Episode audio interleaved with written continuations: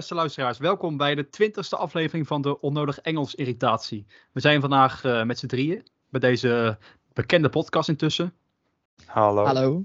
Het is alweer, uh, George, het is voor jou weer een tijdje geleden dat je er uh, dat je aangesloten bent. Zeker, zeker. Goed om terug te zijn. Goed om terug te zijn, dat is mooi. En Mike natuurlijk, vaste klant. Ja, zeker. Vaste klant. jongens, er is weer veel gebeurd. We kunnen het weer over heel veel hebben. Ehm, ik wou eigenlijk even beginnen met uh, iets in het Aziatische deel van de wereld, namelijk uh, de relatie tussen uh, Taiwan en, en China. Want Nancy Pelosi, die is natuurlijk, wat, is wat is het ook weer, vorige week woensdag zoiets, is ze daar als onderdeel van haar Aziatische tour, is ze daar langs geweest. En daar was China niet blij mee, om het, om het zo even snel te zeggen. Voordat ik daarop in wou duiken, misschien dat Mike kort iets kan vertellen over wat nou eigenlijk die geschiedenis is van dat eiland Taiwan en, en die relatie met China. Hoe, hoe zit dat nou eigenlijk? Nou, eigenlijk is de huidige situatie een overblijfsel van de Chinese burgeroorlog. Uh, voor de Tweede Wereldoorlog was uh, Taiwan onderdeel van het Japanse wereldrijk. Maar na de Tweede Wereldoorlog wordt het, komt het, gaat het naar China. En in China is dat moment natuurlijk een burgeroorlog tussen de nationalisten en de communisten aan de gang. En uh, wat er gebeurt is dat de nationalisten worden verdreven van het uh, vasteland. En die gaan verhuizen naar Taiwan, waar ze eigenlijk een nieuwe staat stichten. En heel veel oude, tradities van het oude China in leven houden. En uh, Taiwan claimt dus eigenlijk heel China, gewoon als, als zijnde onderdeel van hun land. En China claimt Taiwan als zijnde onderdeel van zijn land. Ja, en dus het communistisch China. Even ja. voor de duidelijk ja, onderscheid. Dus de Volksrepubliek, dat is communistisch China. Dus dat is wat je gewoon gewoonlijk associeert met China, het vasteland. En je hebt dus de, ja, de republiek. En die zitten op dat eiland en dat is Taiwan. En in de periode van de Koude Oorlog zijn er al vaker ja, periodes geweest van dat het bijna oorlog was. Hè, tussen communistisch China en de republiek op, op het uh, Formosa of wel op Taiwan. Ja, dat is natuurlijk een, een, een beetje een gênante vertoning voor China. Dat er dus een provincie is waar gewoon nog een vijandelijke regering zit. En zijn ja. China negeert dat dus eigenlijk ook. Die doen alsof dat niet bestaat. Ja, en natuurlijk Amerika had ook een belangrijke rol in. Want die. Uh, ik, ja, er zijn allemaal, daar weet ik ook niet de fijne details van. Er zijn allemaal uh, akkoorden gesloten tussen China en, uh, en, en de Verenigde Staten over hoe ze nou diplomatiek, dat, welke regels moeten handhaven als het gaat om Taiwan. Hè. Dat is ook alweer de 3 in 1 China of zoiets. Heeft een bepaalde naam. Ik weet niet of jij die toevallig weet, maar. Nee, dat weet ik even niet. Nou ja, Amerika kan natuurlijk niet zomaar zeggen Taiwan is onafhankelijk, dan krijgen ze China achter zich aan. Dus ze moeten altijd heel erg letten op hun uh, taal en, en woorden. En daarom is het des te interessant, interessanter om te zeggen dat Nancy Pelosi is daar op bezoek geweest. Terwijl Amerika heeft officieel geen diplomatieke banden met Taiwan. Dat heb ja. ik begrepen in ieder geval. ja, ze, volgens mij zien ze dat als een soort vriendschappelijk uh, land, hè, want dat, zei, dat, dat, dat onderschreef Nancy Pelosi ook op haar reis. Hè, van dit is een, de demo, een van de weinige democratieën in dat deel van, uh, van Azië. Is het niet altijd geweest? Het is niet altijd geweest, nee. Nu wel. En, uh, nou, dit, dus Amerika die, die trekt daar natuurlijk logischwijs een beetje naartoe. Zeker natuurlijk na de invasie van, uh, van Oekraïne. Want ja, het is altijd al een dreiging dat China dat ook gewoon bij Taiwan doet. Maar nu, nu is het natuurlijk nog een, helemaal een een hot item, om even eh, onnodig Engels te gebruiken. Heel erg onnodig. Heel onnodig Engels. Maar uh, Sjors, vind jij dat Nederland, als we nou kijken naar China hè, en gewoon China mhm. in het algemeen, het land van die Afrika opnieuw aan het koloniseren is voor grondstoffen. Het land die uh, Oeigoeren in, in, een soort genocide daar pleegt. Moet, moet Nederland gewoon, durven, genocide, ja. ja. Moet, moet Nederland durven zeggen van, uh, hey, uh, dat Taiwan is gewoon onafhankelijk en uh, wij gaan er gewoon, wij zetten ons gewoon helemaal achter? Of, of moeten we dat beetje houtje touwtje blijven doen, balanceren tussen China ja. niet boos willen maken en... Dat is dus het punt. Het is een hele lastige situatie, denk ik. Omdat je enerzijds heb je als Nederland en als Europese Unie in het Westen, heb je China nodig. Uh, want zonder China hebben wij heel veel producten natuurlijk niet.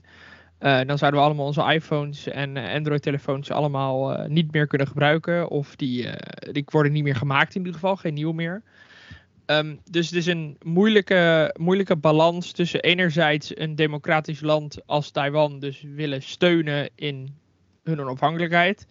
En anderzijds niet China zo boos willen maken dat China ons gaat blokkeren, zeg maar. Ja. Maar ja, je ziet natuurlijk sowieso dat de wereldorde een beetje aan het verschuiven is, denk ik, op dit moment. Het is heel erg in beweging natuurlijk, met het Oekraïne-conflict en nu het Taiwan-conflict erbij. Ehm, veranderen die verhoudingen in de wereld veranderen wel enorm. Dus ik weet niet in hoeverre dat in de toekomst inderdaad nog goed houdbaar is eh, om of diplomatieke banden met Taiwan te houden, of om, eh er moet dan een keuze gemaakt worden tussen dat of dat doen, of dus eh, China niet tegen het been willen aantrappen, denk ik. Ik, ik, ik denk ook wel dat het heel veel mensen aan het denken heeft gezet. eh, die invasie van Oekraïne en nu ook dit van Taiwan. Is dat we eigenlijk voor te belangrijke producten. zijn wij te afhankelijk van schurkenstaten, om zo maar even te noemen. We waren voor onze olie en, en gas waren we veel te afhankelijk van, van Rusland. Even Mhm. credits naar Trump, die dat gewoon al tijdens zijn periode uitsprak. Bij een vergadering van de Verenigde Naties zei hij het onder andere over Duitsland. Toen werd hij uitgelachen. Nu eh, zit Duitsland daardoor helemaal in de, in de problemen. Maar wij ook met Nederland. Want als we bijvoorbeeld kijken naar eh, bijvoorbeeld medicijnproductie, toch wel een Ja. essentieel eh, goed. Het is allemaal China. Het is allemaal, en wat jij ook zegt, Zeker. ele- elektronica, hè, dat is ook een reden waarom we Taiwan ook nodig hebben. Want Taiwan heeft monopolies op de chipproductie. Als al die Ja. chips straks in ook nog Chinese handen komt, dan hebben ze nog een monopolie waarmee ze ons kunnen afknellen. Oftewel, zij heel veel profiteren, wij niet.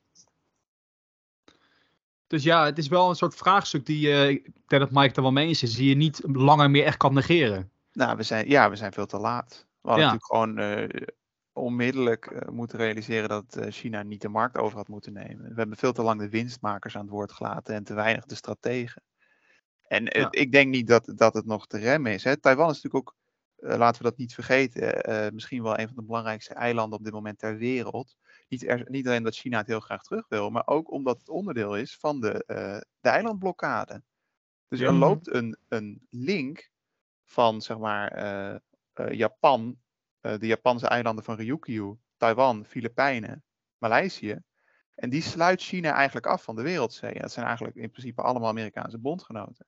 Als Taiwan van kant wisselt, kan China op elk moment dat ze willen, kunnen ze door die eilandenlink heen de grote zee op. Ja, dan ben je gewoon niet meer te remmen als wereldmacht. Want wie de wereldoceanen beheerst, beheerst de planeet.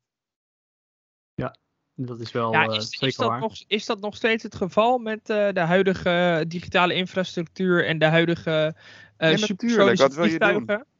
Wat wil je doen? Eh, je kan wel iemand gaan hacken, maar er is, ja, dat, dat betekent niet dat hij dan doodgaat.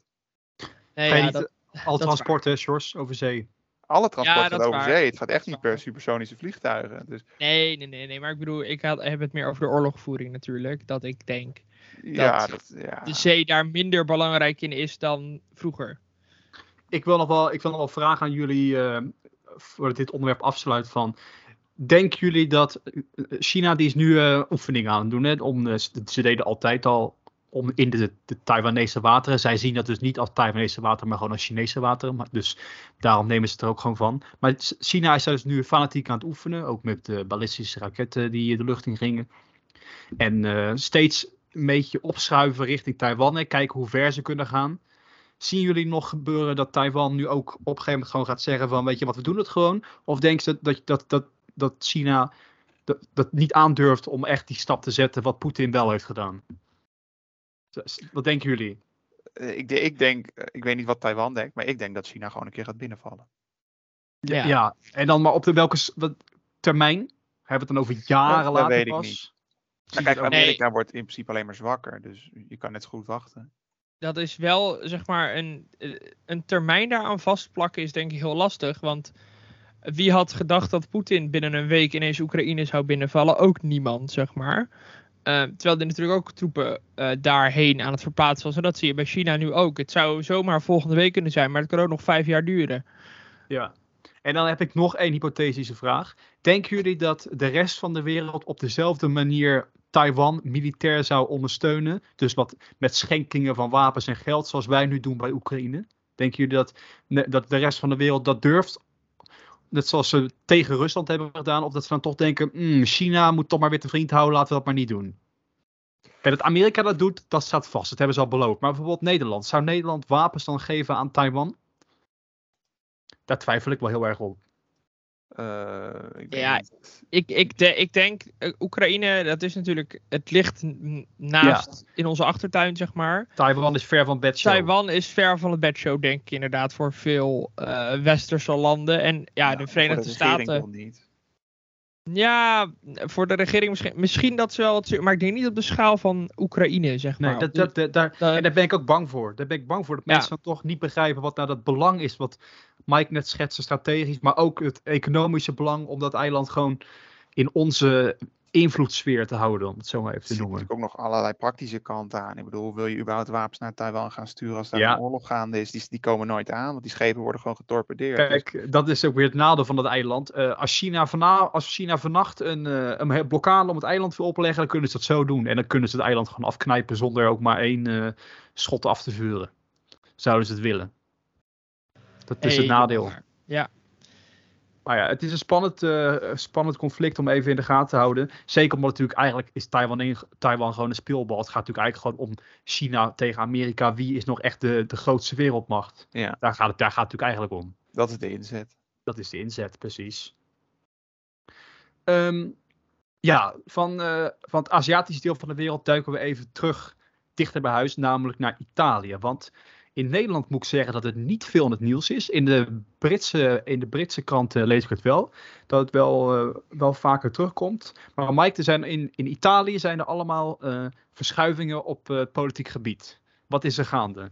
Ja, de regering eh, met vrij algemene steun, die was gevormd door Mario Draghi, de voormalig eurocommissaris. Die stond goed aangeschreven, hè? Sjors, dat kan jij met je... Is dat, Ja. Zeg ik dat goed? Of was, hij was, nee, hij was directeur van de Europese Bank. Ja, hij was de directeur van de Europese Bank, ja, van de ECB was die. Ja, van de En hij, hij ECB moest en- eigenlijk orde op zaken komen stellen eh, qua financiën. Had Eh, veel eh, steun, hè? Veel steun uit eh, de rest van Europa ook. Kundige man werd hij omschreven. Ja, precies. Dus een echt wel een, een topbureaucraat en een, een, een internationale topliberaal, om het zo maar te noemen. En ehm, die heeft dus een regering gevormd. En die regering die heeft een tijd lang geregeerd met vrij unanieme steun in het, in het parlement. Nou, niet unaniem, maar wel, wel hele brede steun in het Italiaans parlement. De coronaperiode door. Precies. En het gevolg, eh, of- en, en eh, de, de uitkomst was dat hij eh, door politieke intriges is gevallen, dat kabinet. En dat er nu eigenlijk geen andere optie is dan nieuwe verkiezingen. Dus er zijn nieuwe verkiezingen in september. En er lijkt, alles lijkt erop te wijzen dat daarbij de rechtse partijen eh, richting de meerderheid van de zetels gaan. En dat zou voor het eerst zijn dat zeg maar, rechtspopulisten een meerderheid halen in een West-Europees land. We weten, kennen natuurlijk uit Polen en Hongarije soortgelijke situaties, maar in Italië of zeg maar, ten westen van het gordijn is het nog nooit gebeurd. Dus dat zou wel heel bijzonder zijn. Wat is de reden voor de. Allereerst, ehm, over welk deel van Italië hebben we het? Waar wordt, waar wordt het meeste gestemd op die rechtspopulistische kant? Ja, als je het hebt over, we gaan richting de Italiaanse rechtspartij, gaan richting 47% En dat is alleen de rechtscentrum-rechtse coalitie. Er zijn ook nog partijen daarbuiten, zoals Italexit. eh die, eh, die zijn eigenlijk ook gewoon eh, best wel heel erg rechts. En als je dat erbij optelt, ga je over de 50% Dus ja, dan spreek je gewoon over het hele land. Ja. En wat is nou. Wat, wat is Misschien heb jij daar idee van. Wat is nou het belangrijkste punt of thema waar zij punten op scoren? Is het het economische? Is, of is het toch nog steeds het, het migrantenvraagstuk in Italië? Wat ja, is. eh, dat, migratie is wel heel belangrijk. Ja. ja. Want Die mensen komen daar natuurlijk allemaal binnen. ja. Dus, eh, Eh George, jij ziet het vast als een, als een gevaar. Als het in Italië voet aan de grond krijgt, dan. eh, Nou ja, het rechtspopulisme komt natuurlijk al jaren op. En eh, ik denk dat dit wel een, eh, een culminatie is van eh, al die jaren eh, eh, dat dat zich aan het ontwikkelen is. En ja, het is enigszins gevaarlijk voor de democratie dat dat in Italië gebeurt. Anderzijds is Italië na de Tweede Wereldoorlog niet altijd een sterke democratie geweest. Dus ik vind het niet gek dat het in Italië gebeurt. Er, wa- er is vaker gedoe geweest in Italië, om het zo maar te zeggen. Ehm, en het is wel eh, heel. Voor de EU is het niet fijn in ieder geval. Want eh, nee, nog steeds. ja, het is, de derde, het is de derde, derde, eco- ja. of de, ja, de derde. derde economie van, eh, Europa, ja. van Europa. Na de, de Frans-Duitse as natuurlijk. Ehm, ja, en dat is toch wel een, een, een risico voor de Europese Unie, denk ik. Als daar een rechtspopulistische regering zit die niet per se het EU-beleid goed draagt, om het zo maar te zeggen. Ja. Nee, die eigenlijk gewoon eurosceptisch is. Ja, Eh, precies. zo niet hard eurosceptisch, dat is niet helemaal duidelijk. Ook Dus- eh, dat ze eruit willen, of dat nog net nou, niet? dat, dat zeg ik dus, dat is niet helemaal duidelijk. Daar nee, twijfelen ik, ze maar ik, ik denk eerlijk gezegd. eh, kijk, ik heb er niet heel veel verstand van. Maar ik denk dat toch ook heel veel rechtspopulistische eh, partijen in Italië wel inzien. wat het belang is van die Europese Unie ook voor dat land. Want zonder Ja, de Europese Unie ja, waren ze natuurlijk inderdaad. al vier keer omgevallen qua Tuurlijk, economie. ja. Ze zijn net de Dus- ontvanger. Ze zijn. eh, ik denk dat ze eruit dat dat voor het grootste gedeelte geen optie is. Maar ik denk wel dat. eh, dat het euroscepticisme wel erg groot gaat worden daar. En ik denk ook dat daarmee de, het euroscepticisme onder de bevolking weer nog groter gaat worden. Wat natuurlijk ook niet eh, helemaal fijn is voor een Europese Unie die er wil zijn voor alle Europeanen. Ja. Na Groot-Brittannië was Italië al het meest eurosceptische land. Toen dat Mhm. gepeild werd in de tijd van de Brexit. Dus ja, dat, eh, het is eigenlijk wel wonderlijk. Als, want George had het over de opkomst van rechtspopulisme. Dat is natuurlijk eh, gaande de afgelopen twintig jaar. Ja. En je vraagt je in heel veel landen af van waar, waar stopt dat? Maar Italië vraag ik het met eigenlijk het meest af van waar, waar gaat dat eigenlijk heen? Want het, het, het blijft maar stijgen. Het is natuurlijk ooit begonnen met het feit dat Berlusconi, wat natuurlijk eigenlijk, het was wel een populist, maar het was niet een rechtspopulist in de zin van Wilders of Le Pen, helemaal niet. Die heeft eh, ooit die rechtspopulistische partijen bij zijn coalitie getrokken, zodat hij een meerderheid kon halen en zodat hij geen concurrentie had op rechts. Maar hij is de macht over die coalitie kwijtgeraakt en die is verschoven naar de, wel de mensen die meer Wilders en Le Pen-achtige stroming eh, nabij staan. Dat is natuurlijk eigenlijk een heel grappig fenomeen, want in, in de andere landen in Europa zijn de rechtspopulisten angstvallig buiten de macht gehouden. En dan Ja. zie je ook dat ze het veel slechter doen. Maar Ja. kan, je, dan- kan je zeggen van, eh, ik, in Nederland, als je de, de gewone man, hè, die, die stemt VVD, om het zo te zeggen. dat is natuurlijk niet waar, want 80% van de Nederlandse kiezers stemt geen VVD. ja, dat is wel, maar toch wel altijd geclaimd, toch? Of niet, door de VVD? Dus zo claimt de VVD dat, maar dat is gewoon niet waar. Ja, ja, ja. Maar is dat zo in Italië zo dat dan de, die stemmen, wat, wat, wat in Nederland VVD zou zijn, daar stemt iedereen gewoon dan doorsnee gelijk al dat de rechtspopulistisch is, zo maar te zeggen. Ja, nou ja, als, ja, als je het hebt over 47% van de kiezers, dan Ja. gewoon over de doorsnee. Dus die stemmen inderdaad, de gewone Italiaan stemt eh, op, eh, nou ja, ondertussen Fratelli d'Italia, dus dat is een soort nationaal conservatieve. Ja. Ik, ik, er, er is wel een duidelijke splitsing aan het ontstaan binnen rechts-Europa tussen de nationaal populisten en de nationaal conservatieven. Nationaal conservatieven zijn iets netter en iets, je zou meer kunnen zeggen forum, maar ja, forum is dan weer te complotterig. Eh, een jaar in de twintig is weer te, te weinig rechts. En de nationaal populisten is gewoon de PVV.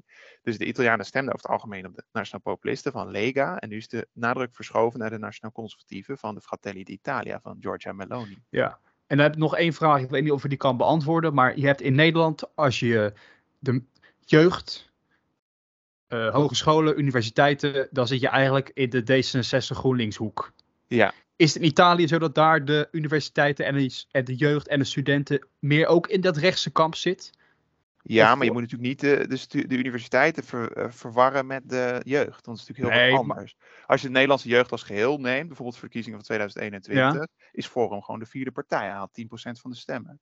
Dus eh, de, onder de middelbaar opgeleide jeugd, ja, op, lager opgeleide jeugd bestaat bijna niet. Eh, Ja. Is rechts in heel Europa groot en dat is in Italië niet anders. Onder de hoogopgeleide jeugd is links het grootst. Dat is in Italië ook niet anders. Die stemmen Partido Democratico. Dat is eigenlijk onze PvdA. Ja. Nou, en, maar het is wel een vrouw trouwens. Hè? Als die coalitie van rechtspopulisme straks de grootste wordt, krijgen ze wel een vrouwelijke premier. Ja, Giorgia Meloni. Ja. Ja, dus dat, is, dan, dat zou de eerste toch zijn voor Italië? Dat denk ik wel, ja. Eigenlijk wel grappig. Dat is juist iets wat het, de linkerkant altijd graag wil. Ja. Een vrouwelijke premier. En dan wordt het nu eh, wordt het eindelijk een vrouw, maar wel uit de rechtspopulistische kant. Ja, dat had, eh, had in Frankrijk natuurlijk ook kunnen gebeuren. hè. Ja, eigenlijk wel Ja, grappig. met, vind met ik Le Pen gisteren. inderdaad. Ja, zeker waar. Maar, Oké. maar wacht, eh, wanneer zijn die verkiezingen, Mike? In september, ik weet niet welke dag. September. Nou, daar komen we nog wel een keer op terug dan. Dat zover eh, Italië. We duiken nog even terug naar het eigen land. Want, eh w- wanneer was dat nou? Was het nou afgelopen gisteren dat het overleg was tussen de boeren en de regering? Was het eergisteren? Nee, dat was een paar dagen geleden. Ik weet even niet zo goed welke dag precies. Maar het is een paar dagen geleden geweest in ieder geval. Ja, en uh, daar is gesproken hè, met onze grote vriend Remkens. Ja. Met, ja, Remkens. En daar waren de boeren niet blij mee. Wat, wat er in het gesprek. Nee, nee de, de, de, boeren waren zeker niet blij met het gesprek. Want ze vonden dat de regering te weinig concessies deed. de regering die, die zat daar namelijk natuurlijk voet bij stuk te houden. En ze waren overigens ook niet blij. En dat vind ik eigenlijk het mooiste van, van alles. Uh, dat een, pers, een persvoorlichter van uh, de regering, van, uh, van Rutte, die zei dat het allemaal langer duurde omdat de sfeer zo goed was. En toen ja. wisten de boeren niet, de boerenorganisaties niet hoe snel ze naar buiten moesten om te zeggen: de sfeer is helemaal niet goed. ze, ze, ze willen gewoon niet met ons praten, eigenlijk. Ja, ja het is. er wordt gesproken maar eigenlijk wordt het niet gesproken, want men komt niet tot elkaar. Het is eigenlijk. Het is, het nee, de, uh, dat zei Remke, zei dat dan wel mooi, dat er een, sprake is van een te grote vertrouwenscrisis. Uh, dat de boeren vertrouwen de regering niet meer en eigenlijk andersom ook. Ja. Uh, en dat is een beetje natuurlijk wat er aan de grondslag ligt van dit overleg, denk ik. Uh, en... Ja, wij, wij hebben het de vorige, vorige keer wel over gehad. En toen uh, wel, wel even aan jou vragen, George. Hoe zie jij dit nou eindigen? Hoe wordt dit opgelost? Die kloof tussen boer, tussen haakjes en, en, en de stad. En, nou ja, ik merk, ik merk steeds meer in eigen omgeving dat uh, mensen er een beetje klaar mee zijn hier in de, in de stad, zeg maar. Dat, uh, ja, zijn die boeren weer, ze leggen weer het halve land plat. Kunnen ze nou niet een keer iets mee ophouden? We weten wat ze willen, maar het is aan de regering, niet aan ons. Um, en ik denk dat het voor die boeren juist heel lastig is. Ja, de regering ziet ons niet. Dus we moeten wel steeds harder optreden in hun optiek. Uh, om iets voor elkaar te krijgen. En ik denk dat die kloof alleen maar gedicht kan worden uh, wanneer de regering serieus gaat luisteren naar die boeren en naar hun oplossingen. Want daar zitten echt gewoon wel slimme oplossingen bij, denk ik. Um, die minder impact hebben voor die boerengemeenschap. Heb jij nu het idee dat de regering te veel vasthoudt om gezichtsverlies te voorkomen? Dat ze ja. daarom geen concessie willen maken? Ja, absoluut. Dat is absoluut wat er nu gebeurt. En dat gaan ze zo lang mogelijk, denk ik, volhouden als dat ze kunnen. En dan uiteindelijk gaan ze toch overstag. Denk jij het ook, Mike? Ben je daarmee dit eens? Klinkt, dit klinkt positief. Ja, ja positief. Ja. um, natuurlijk, uh, de, de, de, ja, moet zeggen, de voorvrouw van de, de boeren, natuurlijk Caroline. Hoeveel zetels werd ze gepeld gisteren? Vandaag, was het? Uh, een hoop. 23 Negen, of zo? 19? Nee, 19? De 19? Volgens mij 19, bij Maurice de Hond. Ja, en uh, we kunnen over Caroline ook wel zeggen. Caroline houdt best van Caroline. Want ze is ook vaak, uh, best vaak in de media. En uh, als je de krant opent, dan staat een artikel van Caroline in. Maar hoe kan Caroline nou, dat vroeg me wel af. Het is allemaal virtueel natuurlijk. Hoe kan zij dit nou gaan omzetten in, in echte zetels straks? Want het is, ja, krijg, wordt, wordt dit een succes van Caroline? Of wordt het gewoon LPF met dat ze straks moeten gaan sprokkelen voor mensen en dat het dan in gaat storten? Mike, misschien weet jij het, het fijnere ervan. Nou, de, de lijsten bestaan al, heb ik begrepen. Uh, ja. Zeker voor de, voor de Provinciale Statenverkiezingen, wat natuurlijk uh, voor hoe het er nu uitziet, gewoon de eerstvolgende verkiezingen zijn. Ja. Wordt dat LPF slash FVD, dat ze uit elkaar gaan? Ik vind dat heel waarschijnlijk. Ik zie het niet zo in dat, dat het allemaal goed gaat, want ten eerste is het een heel haastig bij elkaar geraapte partij. Ja. Sinds die explosie. Hè? Dus die partij was eigenlijk best wel redelijk stabiel onderweg om gewoon een basis voor zichzelf te scheppen. En dan krijg je nou ja, de escalatie van de stikstofcrisis, die we natuurlijk wel een beetje aan zagen komen. Explodeert de BBB in de peilingen. En dat verandert natuurlijk ook. Natuurlijk, het verandert het karakter van de partij. Uh, het verandert mm. waar de partij mee bezig is. Ja. En het, het zorgt er gewoon voor dat er een stikstoftunnelvisie komt, want dat levert toch al die zetels op. En ja, dat is natuurlijk geen uh, stabiele basis voor een partij. Maar, maar, wat, voor zover jij weet, wat verschuift het precies qua ideologie dan? Is het dat een, het is een nou, boer-burgerbeweging? Is dan nu dat meer de burger overheerst uh, binnen de partij dan de boer? Is dat het? Of? Dat denk ik niet. Wat ik wel denk is dat, dat er een extreme nadruk is komen te liggen op uh, zichzelf presenteren als het midden. Want daar zitten de meeste kiezers. De meeste Nederlanders zitten in het midden. Dus uh, vooral niet uh, iets gevaarlijks roepen. Vooral niet een risico nemen op een bepaald onderwerp. je ziet ook altijd die Caroline tweets op Twitter van eh, dat ze, eh, weet je wel, alles probeert te sussen. Van, eh, er waren dan eh, vandaag met die nazi-vlag en dan waren er mensen die zeiden van dit is een vals vlek, hè, dit heeft links gedaan om ons te framen. En dan roept zij, eh, kappen daarmee, je kunt het niet bewijzen, weet je wel. Dat is typisch hoe de BBB nu opereert. Vooral zorgen Mhm. dat er niemand aanstoot kan nemen aan wat de BBB doet. Dat kan je nooit volhouden. Dat hou je nooit vol. Je moet je Echt eigen verhaal vertellen, niet gaan constant. Exact. Ben je altijd in reactie op iets? Je moet gewoon je eigen verhaal doen. Maar goed, dat is, eh, Caroline probeert het op deze manier.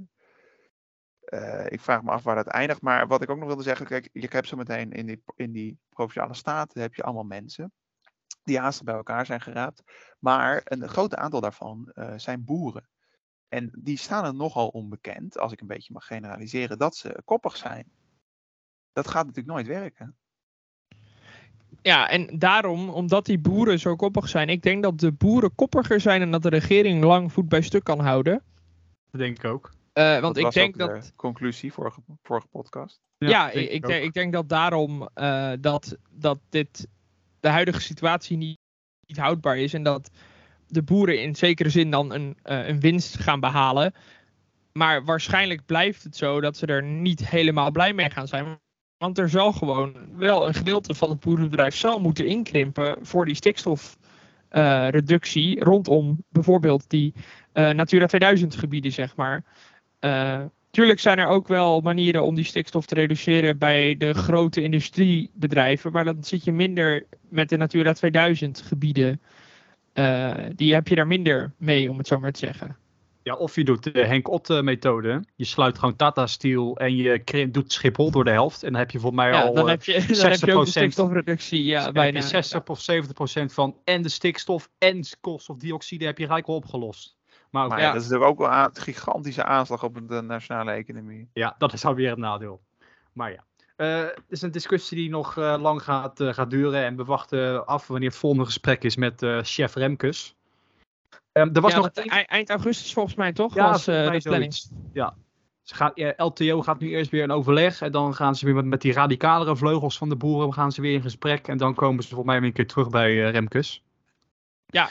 Ehm, er was vandaag nog eh, even iets heel anders. Er was vandaag nog iets in het nieuws. En daar wouden jullie het volgens mij even over hebben. Dat ging over bepaalde koloniale kunst. Ehm, wie, wie, Ja. leidt, hem- wie leidt hem in, George? Mike? Mike, Mike laat jij hem Benin, in? eh, Benin bronzen, de bronzen Ja. plaks in Benin, die ze gebruikten om eh, culturele uitingen op eh, te maken en te gieten, is het voor mij is het gegoten. Die eh, worden teruggegeven door het British Museum aan eh, Benin. In Benin, wat dus niet in Benin ligt, maar in Nigeria. Ja, en eh, we hebben het dus over een beeldje of 60 of zo, denk ik. 70 Eh, beeldjes. 72. kunstwerken. 72, ja. Die zijn in de koloniale tijd als trofee tussen haakjes, denk ik, naar Groot-Brittannië gehaald. Ja, eh, het Ja? Koninkrijk Benin was, lag zeg maar aan de zijkant van de Nigerdelta en was een hele rijke en eh, ook geavanceerde slavenstaat. Eh, er zijn ook reisverslagen van Nederlanders die in die stad komen en die zeggen van ja, dit is, dit is gewoon heel indrukwekkend. Dit is niet vergelijkbaar met iets wat ik in Europa ooit ben tegengekomen. Ja. En die hadden dus ook eh, zeer hoogwaardige kunstvervaardiging. Vooral in, in de bronswerksector. en die hebben dus die bronzen gemaakt. En in 1896 hebben ze een mot gekregen met het Britse Rijk. Nou, dat kun je beter niet doen in 1896. Toen is die stad geplunderd en zijn al die bronzen meegenomen naar eh, eh, Groot-Brittannië, naar het British Museum. Ja, en En ik het- las, ik las Ja. dat Duitsland ook wat heeft en Nederland heeft er ook een paar. Dus Ja, ja, ja, ze zijn uiteindelijk zijn ze vanuit het British Museum volgens mij onder andere verspreid en als cadeaus aan andere eh, landen ook gegeven. Ehm, waar- waardoor ze inderdaad verspreid zijn over Europa. En Nederland heeft er iets meer dan 100 volgens mij. En eh, ja, er, eh, de procedure die hier aan vooraf ging is wel interessant, want ehm, er moest door Nigeria een verzoek worden gedaan om, dat, om die roofkunst, zoals ze dat dan noemen, terug te krijgen. Eh, en dan moet er, gaat er eerst een hele lange procedure aan vooraf met allemaal experts om te bewijzen dat die Benin bronzes daadwerkelijk uit Benin kwamen. Terwijl natuurlijk iedereen al lang en goed weet dat ze daar vandaan komen.